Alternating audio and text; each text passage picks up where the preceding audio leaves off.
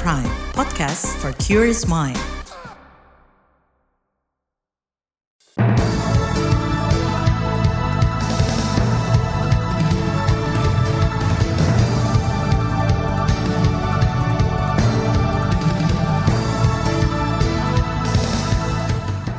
Selamat pagi saudara, berjumpa kembali dalam program Buletin Pagi edisi Jumat 17 November 2023.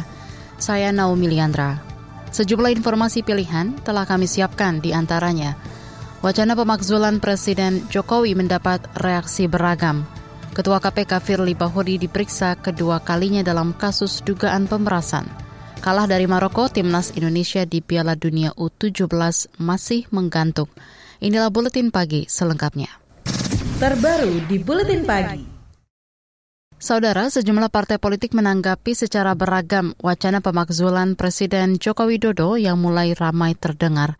Wacana pelengseran Presiden Joko Widodo makin banyak disuarakan beberapa bulan menjelang pemilu 2024. Ketua DPP Partai Nasdem Teuku Taufiko Haldi mengatakan DPR perlu memenuhi syarat untuk mengambil opsi pemakzulan Presiden Joko Widodo. Taufikul Hadi mengatakan pemakzulan bisa diusulkan jika Jokowi melakukan pidana berat, mengkhianati negara atau tidak menjalankan tugas secara permanen. Coba dilihat saja secara diuji dengan konstitusi, ya kan? Apakah itu bagian dari pengkhianatan negara? Apakah itu adalah kriminal, ya kan? Kalau memang itu ya bisa dimakzulkan, tetapi kalau tidak bisa ya ya tidak bisa dimakzulkan dia. Kalau ketentuan tentang seseorang dimakzulkan itu tidak ada, maka tentu saja dia tidak akan bisa. Itu tadi Ketua DPP Partai Nasdem Teuku Taufiko Hadi. Sementara itu Partai Demokrat sebagai oposisi pemerintah menilai wacana pemakzulan Jokowi hanya akan merusak tatanan demokrasi. Juru bicara Partai Demokrat Herzaki Mahendra Putra menduga wacana pemakzulan muncul lantaran ada pihak yang tidak mampu bersaing dalam perhelatan pemilu mendatang kok politik ini ya, sepertinya tidak lagi berbicara mengenai substansi, ya, tetapi hanya mencari sensasi. Ini yang sangat kami sayangkan. Gitu. Seakan-akan pemakzulan itu isu remeh gitu. Pemakzulan ini satu hal yang sangat serius. Ya, apakah benar presiden kali ini memenuhi itu? Jangan asal bicara, jangan asal ucap, jangan asal ancam, tanpa ada bukti, tanpa ada dasar yang jelas, tapi hanya alam ilusi dan halusinasinya. Ini merusak loh demokrasi kita. Itu tadi jubir Partai Demokrat Herzaki Mahendra Putra. Partai Demokrat saat ini masuk dalam koalisi partai pendukung calon wakil presiden pendamping Prabowo, yaitu Gibran Raka Buming Raka, yang merupakan anak Presiden Jokowi. Di lain pihak, tenaga ahli kantor staf Presiden KSP Ade Irfan Pulungan memberi tanggapan terhadap serangkaian serangan dan tuduhan kepada Presiden Jokowi. Ia menilai setiap era kepemimpinan memiliki nilai baik dan buruk. Namun ia mengingatkan agar sejumlah pihak tidak larut dalam kegaduhan apalagi memunculkan narasi terkait pemaksulan.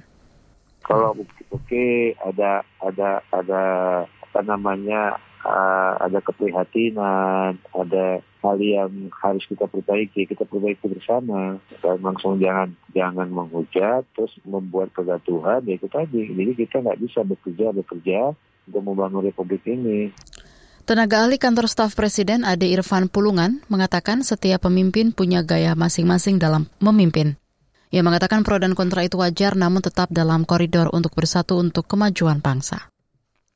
Sementara itu bekas wakil Presiden Yusuf Kala yang pernah mendampingi Jokowi di periode pemerintahan menyebut ada potensi kejatuhan Presiden Jokowi. Yusuf Kala mengatakan potensi jatuhnya pemerintahan bisa dipicu karena krisis politik dan ekonomi.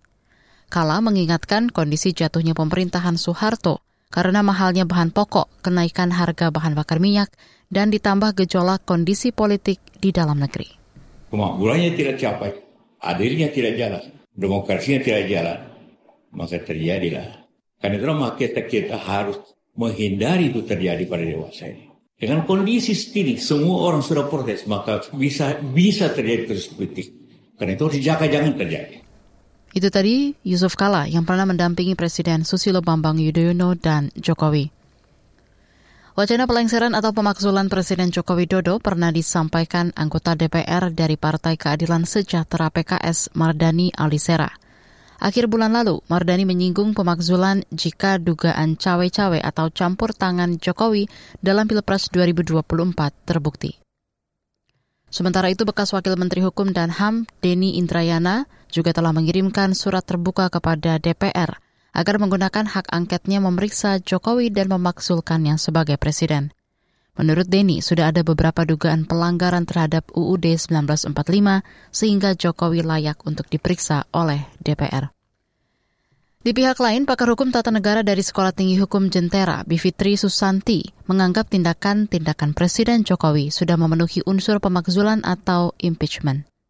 Bivitri mengatakan proses pemakzulan diatur dalam undang-undang, terutama bukti yang konkret dan dinyatakan secara terbuka oleh Presiden Jokowi sebagai alasan pemakzulan.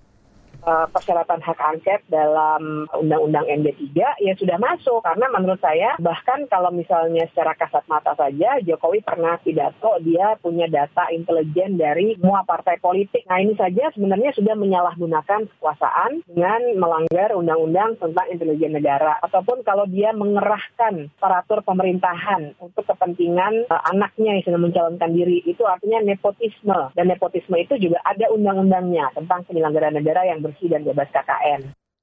Pakar Hukum Tata Negara Bivitri Susanti menambahkan proses pengajuan pemakzulan atau impeachment kepada Jokowi sebagai presiden akan sulit dan membutuhkan proses yang panjang.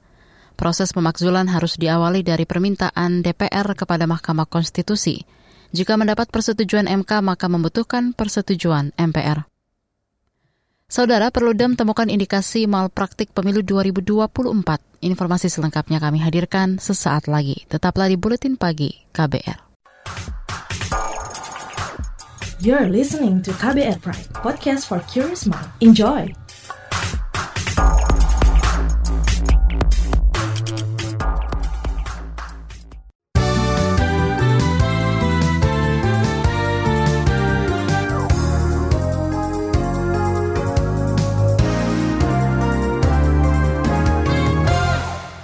Anda sedang mendengarkan buletin pagi KBR. Presiden Joko Widodo mengkritik sistem pendanaan penanganan perubahan iklim. Jokowi mengatakan pendanaan iklim seharusnya bukan dalam bentuk utang yang hanya akan menjadi beban bagi negara-negara miskin dan berkembang. Ia mengatakan pendanaan iklim yang diberikan negara maju kepada negara-negara berkembang untuk melakukan upaya transisi energi seharusnya lebih bersifat membangun. Sampai saat ini, yang namanya pendanaan iklim masih business as usual. Masih seperti komersial banks. Padahal seharusnya lebih konstruktif bukan dalam bentuk hutang yang hanya akan menambah beban negara-negara miskin maupun negara-negara berkembang. Presiden Jokowi mengatakan masalah transfer teknologi dan pendanaan di sektor transisi energi selama ini juga menjadi tantangan bagi negara berkembang termasuk Indonesia. Padahal kata dia transisi energi seharusnya menghasilkan energi yang terjangkau kepada masyarakat. Kita ke berita pemilu. Kabar pemilu. Kabar pemilu. Perkumpulan untuk Pemilu dan Demokrasi Perludem menyebut sejumlah malpraktik pada pemilu 2024. Anggota Dewan Pembina Perludem Titi Anggraini menjelaskan malpraktik yang dimaksud yakni perubahan aturan tidak sesuai prosedur terkait kepemiluan.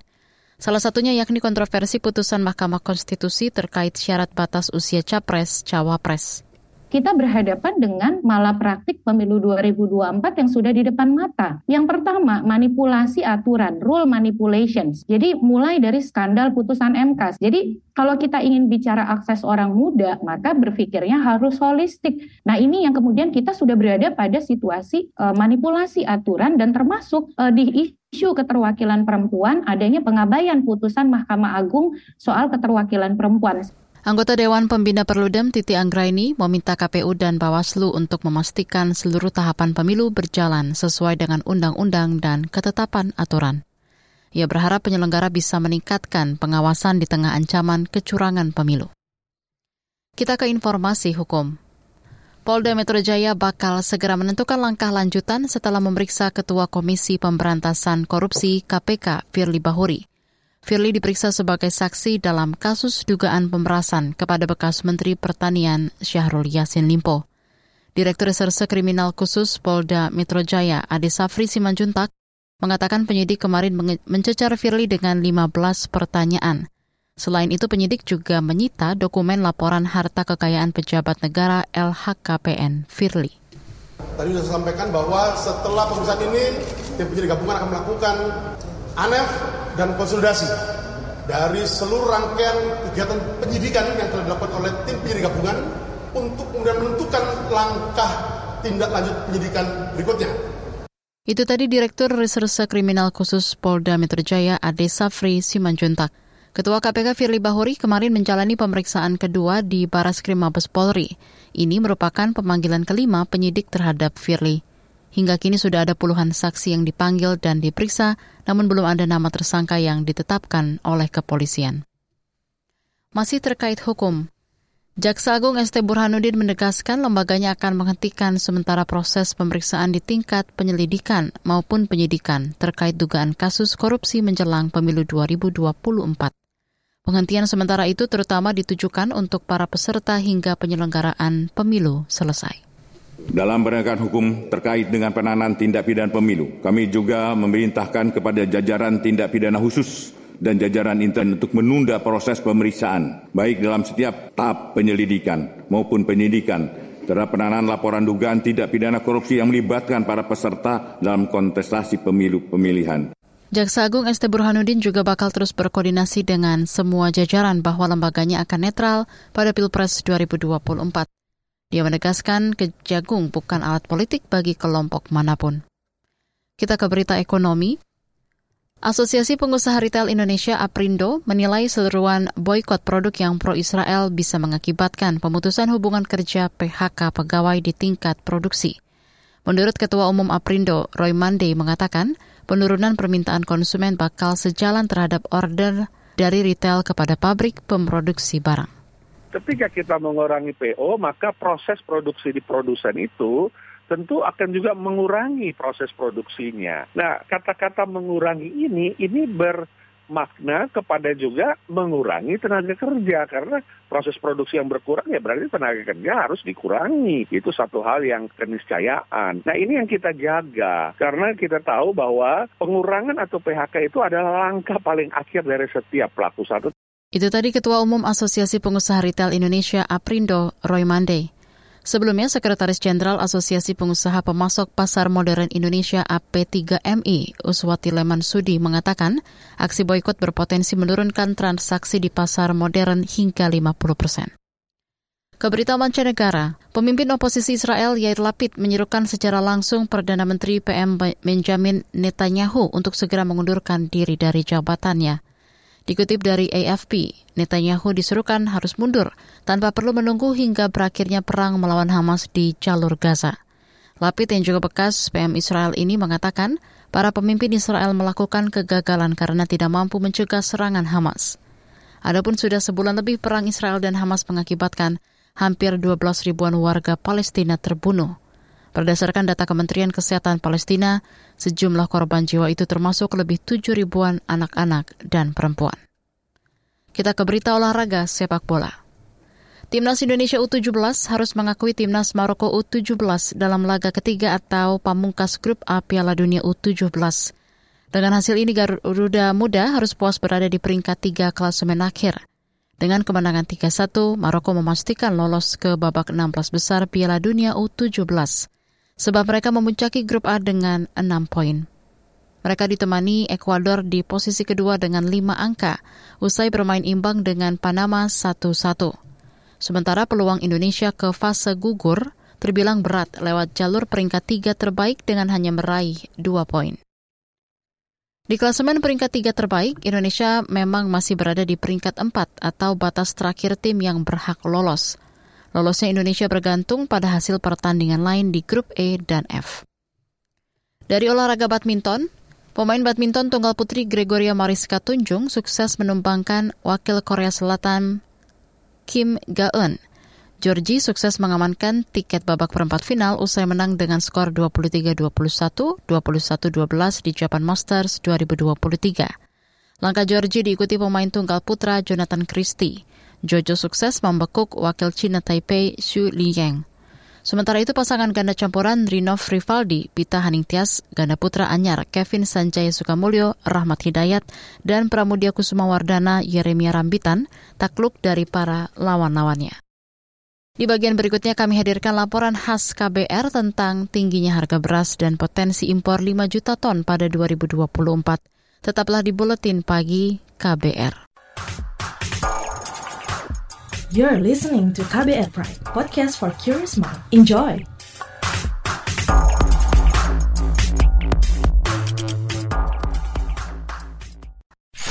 Commercial break. Commercial break. Anda sedang mendengarkan program Saga Produksi KBR. Dia mau nyium saya juga nyari. Kita harus ramai-ramai-ramai-ramai semua pakai kain. Sekolah lansia merupakan upaya untuk memperpanjang usia sehat. Kisah-kisahnya menarik kan? Dengarkan kisah-kisah selengkapnya hanya di Saga. Cerita tentang nama, peristiwa, dan fakta. Selain kisah-kisah inspiratif, Saga juga menghadirkan liputan mendalam yang dikemas menarik dengan kualitas jurnalistik terbaik.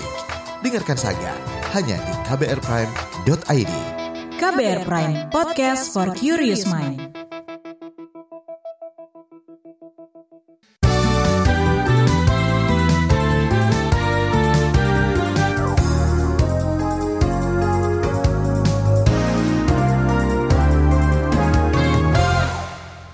Anda masih bersama kami di Buletin Pagi KBR. Pemerintah mengimpor beras jutaan ton untuk mengendalikan harga komoditas tersebut yang saat ini melonjak tinggi. Kebijakan itu juga untuk menjaga pasokan dalam negeri yang terdampak sejumlah hal semisal kekeringan. Efektifkah strategi itu? Simak laporan khas KBR disusun Astri Yuwanasari. Komoditas beras medium per Kamis kemarin naik Rp13.340 per kilogram berdasarkan pantauan harga di Badan Pangan Nasional Bapanas. Harga tersebut jauh di atas harga eceran tertinggi HET yang ditetapkan pemerintah, yakni Rp10.900 sampai Rp11.800 per kilogram. Badan Pangan Nasional Bapanas meminta pemerintah menurunkan harga dan memastikan stok beras. Sebab menurut Kepala Bapanas, Arief Prasetyo Adi, beras menjadi penyumbang inflasi terbesar. Tingkat inflasi Oktober 2023 tercatat 2,56 persen year on year, naik dari inflasi September 2,26 persen. Kalau kita lihat trennya seperti ini, Oktober, November, Desember, kemudian Januari, Februari, ini produksi masih rendah sehingga izin perkenan Ibu nanti mungkin siang juga ada ratas dengan Pak Presiden supaya kita lakukan intervensi sampai dengan produksinya normal. Data Bapanas menyebut konsumsi beras pada Oktober hingga Desember sebesar 2,56 juta ton per bulan, sementara produksi hanya mencapai 2,06 juta ton pada Oktober, 1,61 juta ton November, dan Desember 1,1 juta ton. Presiden Joko Widodo mengakui pemerintah masih berupaya menurunkan harga beras, salah satunya dengan memberikan bantuan pangan beras kepada para penerima manfaat. Hal ini ia sampaikan usai meninjau harga bahan pangan di Pasar Citeko, Kabupaten Purwakarta, Provinsi Jawa Barat, Kamis pekan lalu. Ya, yang beras kan memang sudah agak lama, yang beras. Kalau yang naik tinggi memang cabai, tapi ini kan selalu musiman, cabai itu musiman. Kalau pas musimnya seperti ini cabai pasti tadi sudah mencapai memang 100 ribu. Tapi yang lain-lain saya lihat bawang merah, bawang putih, telur semuanya kondisi start. Pasti adalah begitu banyaknya komoditas kemudian ada satu dua yang naik. Tapi yang paling penting kita akan berusaha keras yaitu di beras karena itu makanan pokok. Upaya lain ialah dengan meningkatkan produksi beras dalam negeri dengan memanfaatkan lahan-lahan tidur di 385 lokasi. Gerakan Nasional Ketahanan Pangan 2023 ini digagas TNI dan diresmikan Wakil Presiden Ma'ruf Amin awal November lalu. Selain itu, percepatan gerakan tanam padi juga dilakukan. Menteri Pertanian Andi Amran Sulaiman menyebut percepatan dilakukan karena masa tanam mundur dan masa panen puncak di tahun depan juga akan mundur. Daerah irigasi, lahan yang beririgasi 1 sampai 1,5 juta hektar, kita lakukan pertanaman secepat. Kalau bahasanya petani adalah tanam culik. Yang dikatakan tanam culik adalah selesai panen langsung tanam Nah itu namanya tanam culik. Untuk jangka pendek, pemerintah mengimpor jutaan ton beras yang akan dilakukan pemerintah hingga tahun depan. Menteri Pertanian Mentan Andi Amran Sulaiman menyampaikan rencana itu saat rapat kerja dengan Komisi Pertanian DPR awal pekan ini. Tahun ini Indonesia memutuskan untuk mengimpor 3,5 juta ton beras dan berpeluang mencapai 5 juta ton tahun 2024. Untuk itu perlu segera dilakukan upaya khusus percepatan peningkatan produksi pangan untuk memenuhi kebutuhan pangan masyarakat. Amran menyebut kebijakan impor beras yang dilakukan pada tahun ini karena produksi menurun, dampak fenomena cuaca El Nino. Produksi beras nasional periode 2022-2023 mengalami penurunan akibat ancaman El Nino dan dari sebelumnya 31 juta ton dan diperkirakan turun menjadi 30 juta ton pada tahun 2023. Kondisi ini memaksa kita impor beras sebanyak 3,5 juta ton untuk cadangan pangan pemerintah. Kondisi ini tentunya berbahaya bagi ketahanan pangan dan ketahanan negara kita. Pakar pertanian dari Institut Pertanian Bogor IPB Dwi Andrea Santosa mengkritik rencana impor beras oleh pemerintah sebab besaran impor yang dilakukan tak sesuai dengan data beras milik pemerintah sendiri saya menggunakan data resmi, data resmi dari BPS yang sudah dikeluarkan, prognosis produksi tahun 2023 eh, ini. Dan hanya turun 0,65 juta ton produksi di atas setara beras. Impornya tiga setengah juta ton. Bisa dibayangkan masuk akal apa enggak? Lalu kepentingan apa di balik itu semua? Ini yang pertanyaan besar yang perlu kita tanyakan. Turun produksi 0,05 juta ton, impor 3,5 juta ton.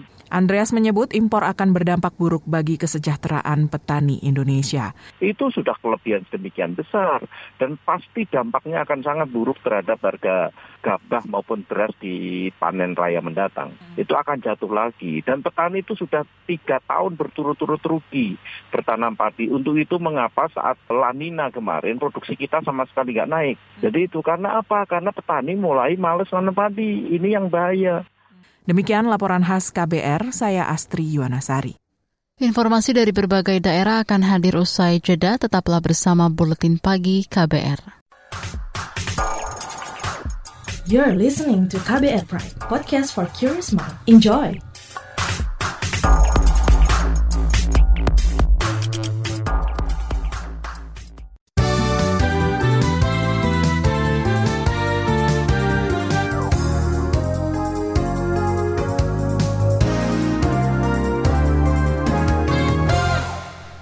Inilah bagian akhir buletin pagi KBR.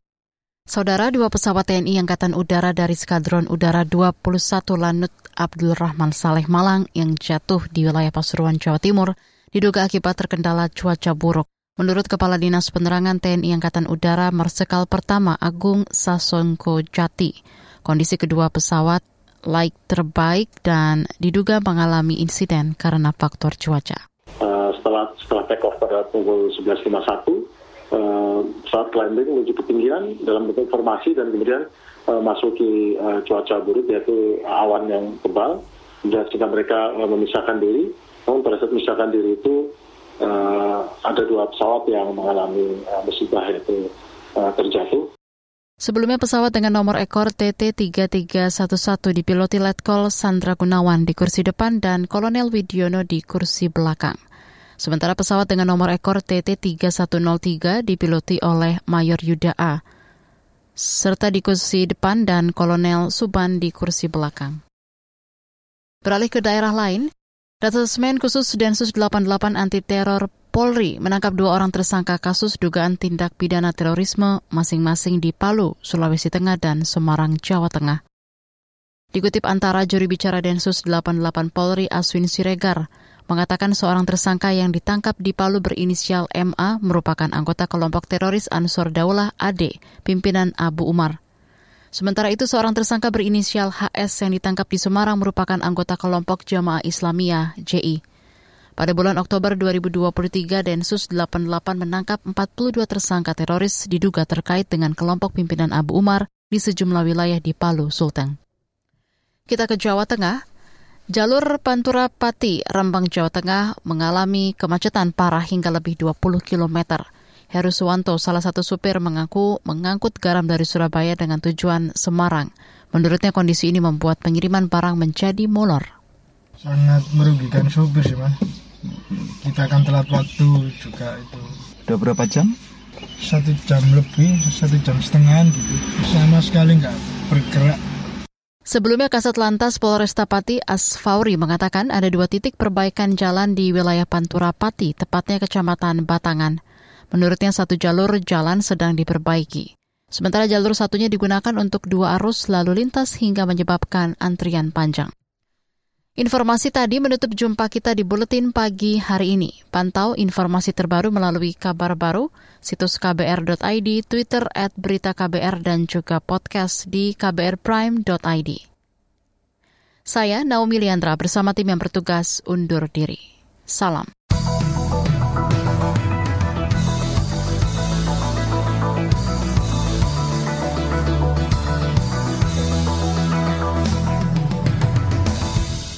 KBR Prime, cara asik mendengar berita.